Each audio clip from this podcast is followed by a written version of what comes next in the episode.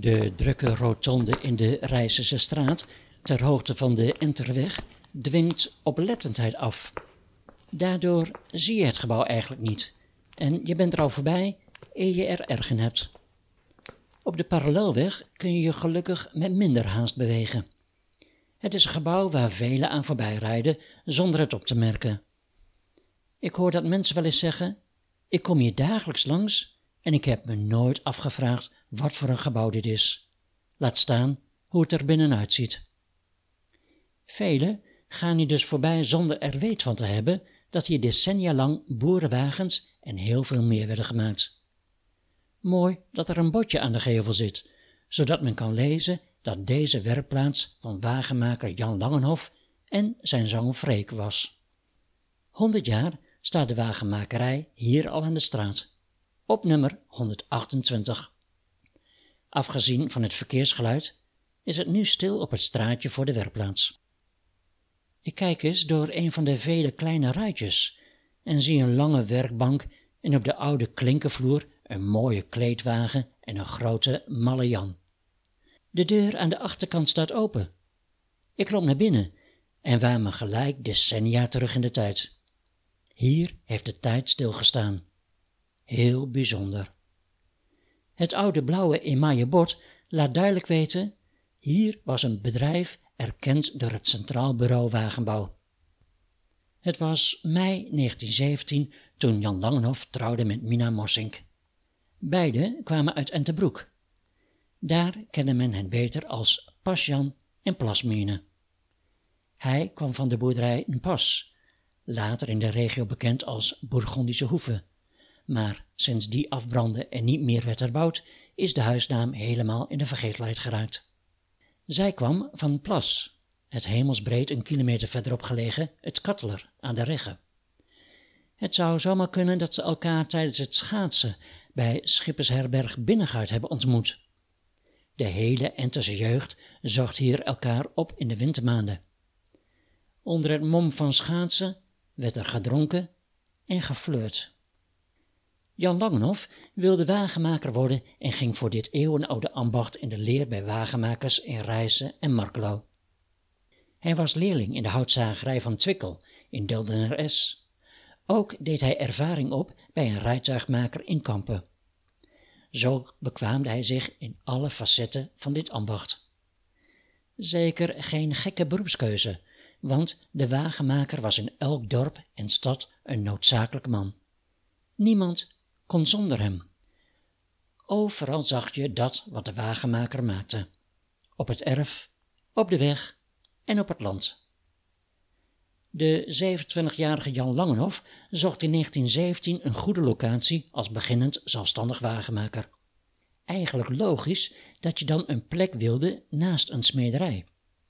Hij kwam uit bij een pand naast Smit Nieuwenhuis aan dezezelfde straat, maar dan in het centrum van Wierde. Om de een of andere reden bleek dit niet haalbaar en hij zocht er daarom wat verderop, daar waar het verkeer afslaat richting Enter. Eigenlijk een perfecte A-locatie voor zijn nieuw te starten bedrijf. Deze straat was sinds de middeleeuwen en wellicht nog veel langer de verkeersader tussen Deventer en Bentheim. Als wagenmaker wil je op zo'n locatie wel zitten. Vergelijk het maar met de vele autobedrijven langs de snelwegen. Langenhof had zich weliswaar bekwaamd in het maken en repareren van rijtuigen. Zo nam hij eens een volgkoets van de begrafenisvereniging in Notter onder handen. Toch lag zijn kennis en kunde vooral in het maken van boerenwagens, in allerlei soorten en maten, van kleedwagens tot kiepkarren. Verder konden de boeren uit het dorp en de buurtschappen bij hem terecht voor ploegen, eggen, kruiwagens, maar ook voor hamer, bijl en spadestelen en putrollen voor het ophalen van de emmers water uit de put bij de boerderij. En natuurlijk kwamen de boeren voor kleine en grote reparatiewerkzaamheden naar de wagenmakerij. Langenhof maakte op bestelling ook wel speciale karren, bijvoorbeeld een hondenkar voor de bakkers uit het dorp. Dit was een eenvoudige bakkerswagen waarvoor je een hond kon inspannen. Langenhof had voor eigen gebruik ook een hondenkar. De gemeentelijke vergunning hiervoor is nog bewaard gebleven. Zo bracht hij met deze kar zijn werk om te smeden naar zijn vertrouwde smid Nieuwenhuis. Langenhof had zijn bedrijf nog maar net enkele jaren gaande toen er in januari 1924 brand uitbrak. Ondanks de inzet van de brandweer met de motorbrandspuit brandde de schuur en het hele huis met timmerwerkplaats totaal uit. Van de inboedel kon een deel gered worden. Zo ook de koe. Twee varkens kwamen om in de vlammen. Enkele kafmolens, machines en een grote partij nieuw gezaagd timmerhout konden als verloren beschouwd worden. Helaas waren het huis en de inboedel laag verzekerd. De machines, gereedschappen en het hout waren niet verzekerd. Maar Langenhof en zijn vrouw gingen niet bij de pakken neerzitten. Twee weken na de brand had aannemer Schipper de blauwdruk ontwerptekening voor de nieuw te bouwen werkplaats al klaar. Het werk moest met spoed, zodra de vergunning binnen was, worden aangepakt. Een maand daarna moest de werkplaats al in gebruik kunnen worden genomen. Kom daar tegenwoordig maar eens om. Uiterlijk 1 juni 1924 moest het kant en klaar zijn. Zo niet, dan zou een boete volgen van 10 gulden voor elke dag later. Van de afgebikte stenen van het uitgebrande huis werd de nieuwe werkplaats gebouwd. De werkplaats waar ik nu ben. Heel bijzonder is dat al het gereedschap nog aan de muur hangt. En ook de typische wagenmakersmachines, zoals de draaibank, de lintzaag en de van diktebank, alle van oerdegelijke Nederlandse en Duitse makelij, staan er nog steeds. Mooi hoor. Voor het bedienen van deze machines had Langenhof meerdere knechten voor het vele arbeidsintensieve werk. De werkplaats is niet bijzonder groot. Daarom werd ook veel voor de werkplaats aan de straatzijde gewerkt. Er zijn nog enkele foto's van. Uit het handelsregister blijkt dat oudste zoon Freek in 1943 als vennoot in het bedrijf kwam. Zijn broer Jan hielp regelmatig mee. Langenhof kocht meestal zelf in de omgeving zijn bomen, zoals eiken en beuken, en kapte die zelf.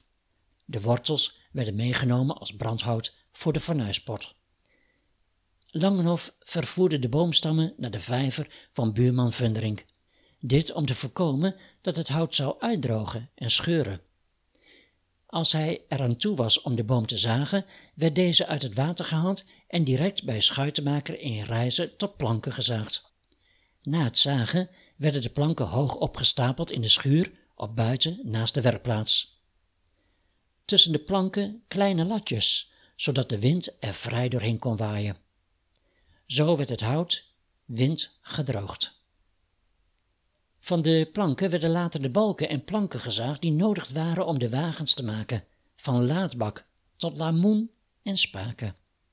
Er waren wel boeken met tekeningen hoe je een wagen moest bouwen, maar Langenhof deed toch vooral alles uit het hoofd. Hoe het allemaal precies in zijn werk ging, vertellen ze hier graag.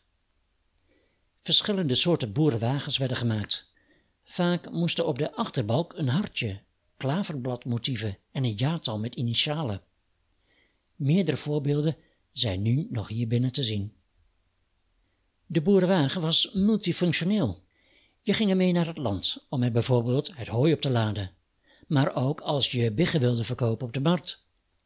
Verder werd de wagen al dan niet met een huif gebruikt bij huwelijken en begrafenissen. De wagenmaker was weliswaar een noodzakelijke man in elke gemeenschap, toch werd hij ondergewaardeerd door boeren en burgers. Er zijn dan ook maar weinig wagenmakers die echt een goed verdiende boterham hadden.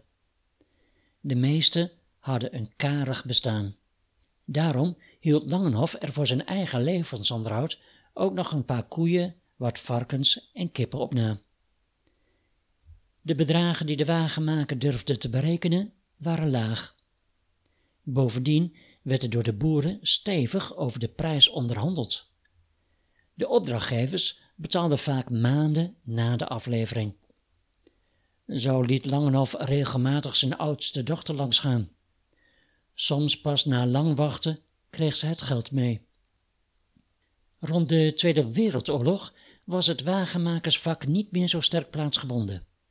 Boeren en andere opdrachtgevers vroegen prijzen op bij wagenmakers in de omgeving.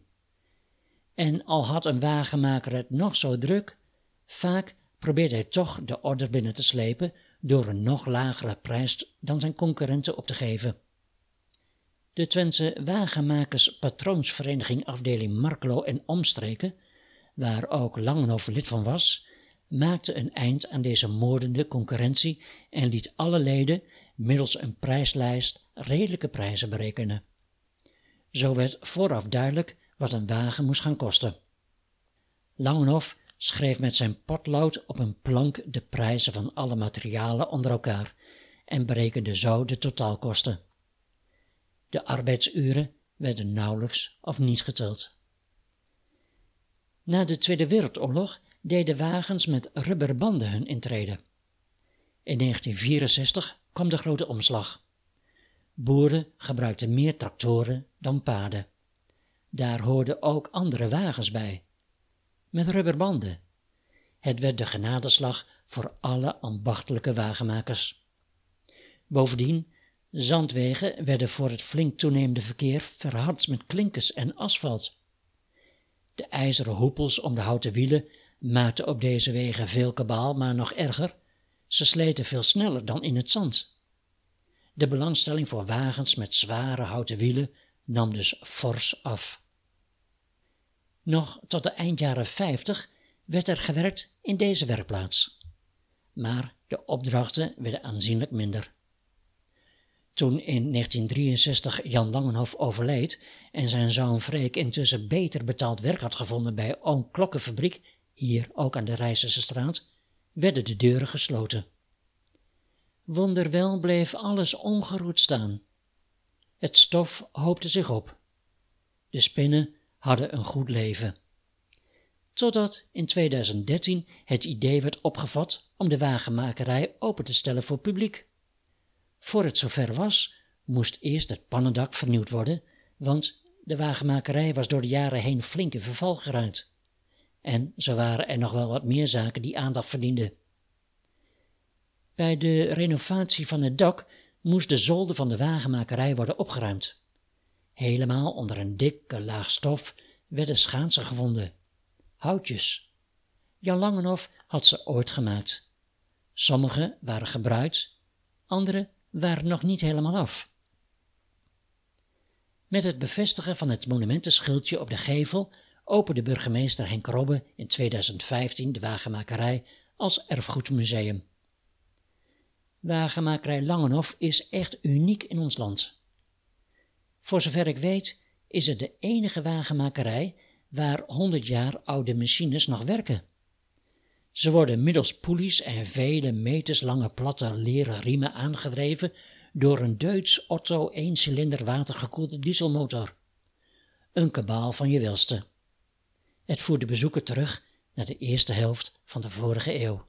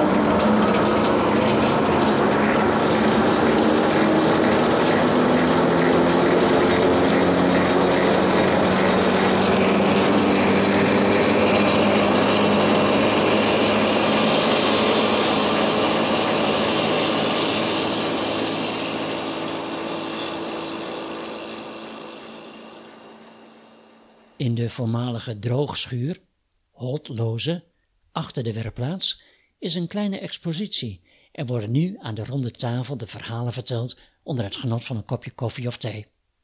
Wagenmakerij Langenhof is op afspraak te bezoeken. Kijk voor informatie op wagenmakerijlangenhof.nl. U bent van harte welkom. Het eeuwenoude ambacht van wagenmaker hou ik graag levend. Ten meer omdat ik de kleinzoon ben van Jan Langenhof, de wagenmaker uit dit verhaal.